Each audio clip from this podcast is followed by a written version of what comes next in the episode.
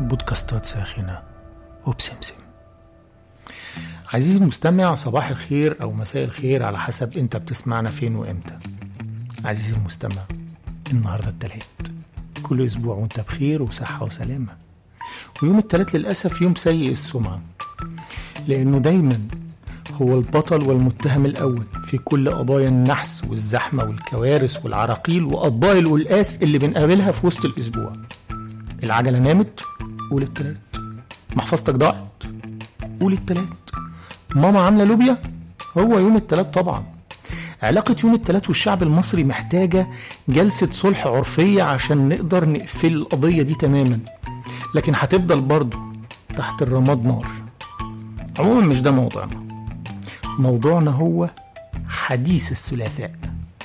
وهي حلقات بتجيلكم كل يوم تلات مني أنا الزيموس وعن طريق محطتكم المحبوبة محطة راديو زيموس وندخل في الموضوع على طول. عزيزي المستمع عمرك نزلت شغلك في نهار خمسيني مطرب مش شايف له شمس؟ في أواخر إبريل وفجأة لقيت نفسك بتتنهد. مش علشان التراب اللي كتم نفسك لا لا لا. لكن عشان افتكرت ذكريات من عشرين سنة. وانت قاعد على كافيتيريا الكلية بتشرب كوباية النسكافيه. وماسك معاها باكو مولتو أبو نص جنيه اللي كان قد عيل الصغير اللي لسه في اللفة. وعينيك على مدرج أربعة. مستني البنت اللي متشحتف وراها يا ولداه من ساعة ما دخلت الكلية. وهي ولا هي هنا. وبقيت تخلص سكاشنك؟ وبدل ما تروح تذاكر لك كلمتين ينفعوك فضلت قاعد في التراب والعفرة اللي في آخر إبريل مستنيها تخلص عشان بس تشوفها وتمشي. طيب عزيزي المستمع عمرك قعدت تحتسي القهوة؟ مش تشربها لأ تحتسيها. وأنت قاعد بتسمع لأغنية ويجز مع إعلان في التلفزيون. فيجي على بالك طوالي صورة غلاف ألبوم الفنان عمرو دياب من عشرين سنة. علم قلبي الغرام وهو بالقميص الفسكوز المشجر الأحمر. فرحت متنهد من أعماقك وقايل فين أيام الفن الجميل. ومكمل عادي احتساء للقهوة. طيب فاكر علاء عبد الخالق؟ فاكر هدى عمار؟ فاكر حنان تستاهل؟ فاكر برنامج سلوكياته على الطريق وفواصل موسيقى يني اللي على القناة التانية؟ فاكر؟ طب أشعرت؟ لسه؟ طب خد التقيلة. فاكر الثور الأحمر الناري واليونيكورن وماما عفاف الهلاوي يوم الجمعة الصبح؟ مش فاكر؟ مش مشكلة عموما. يعني مين يعني اللي كان هيقوم الصبح يوم الجمعة بدري عشان يتفرج على سينما الأطفال؟ وعلى كل حال عزيزي المستمع مش هي دي قضيتنا ولا قصتنا خالص.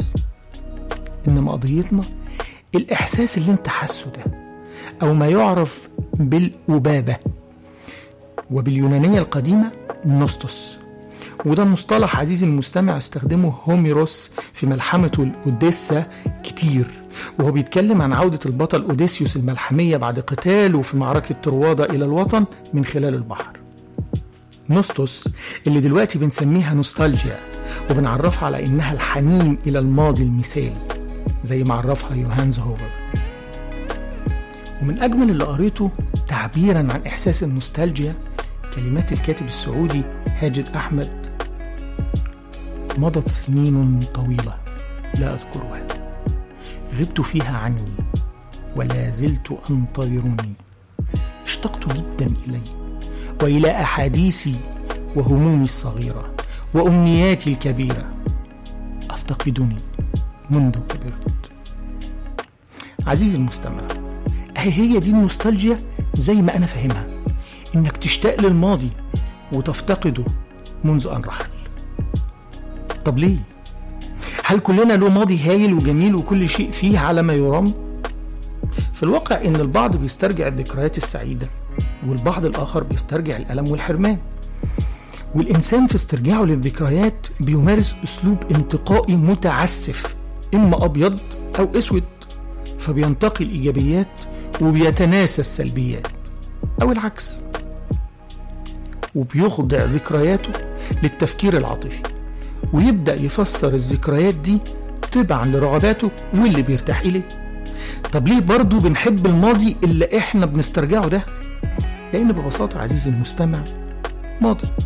حصل بالفعل. بنعيش جوه أحداثه في راحة واطمئنان.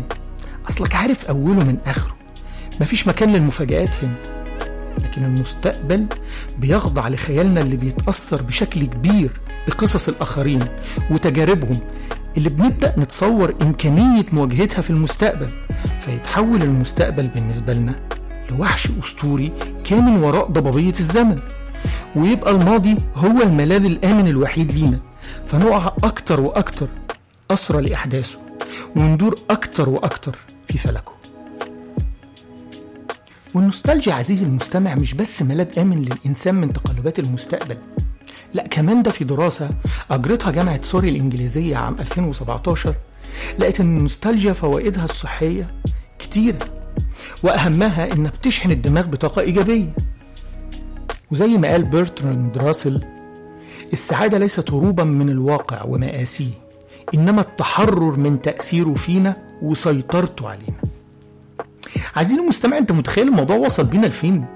إحنا بدأنا ببوستر عمرو دياب علم قلبي الغرام وانتهينا لبرتراند راسل. اتفاجئت. أهي دي نفس المفاجأة اللي العالم اتفاجئها. بدأت بملاحظات لطالب طب في جامعة بازل السويسرية يوهانز هوفر في القرن السبعتاشر واللي كانت لمجموعة من الأعراض المرضية اللي بتصيب مجموعة من العمال المغتربين في سويسرا عن أوطانهم زي الأرق وعدم انتظام ضربات القلب وعسر الهضم. واللي استنتج منها بعد كده إن سببها حنينهم إلى أوطانهم. وانتهى الأمر إلى إثبات شعور النوستالجيا باستخدام صور أشعة الرنين المغناطيسي للدماغ. عزيزي المستمع النوستالجيا حلوة. النوستالجيا حلوة مفيش كلام. ولكن احذر خطر الوقوع في إدمان حلاوة الإحساس باسترجاع ذكريات الماضي اللي ممكن يوصل بيك لمرحلة النكوص أو اللي بنسميها ال regression أو أحلام اليقظة أو حتى الإنكار. عشان كده عزيزي المستمع دايما افتكر إن الماضي فات واللي جاي عند ربنا. لكن الحاجة الوحيدة اللي بتملك فعلا مفاتيح سعادتها هي النهاردة.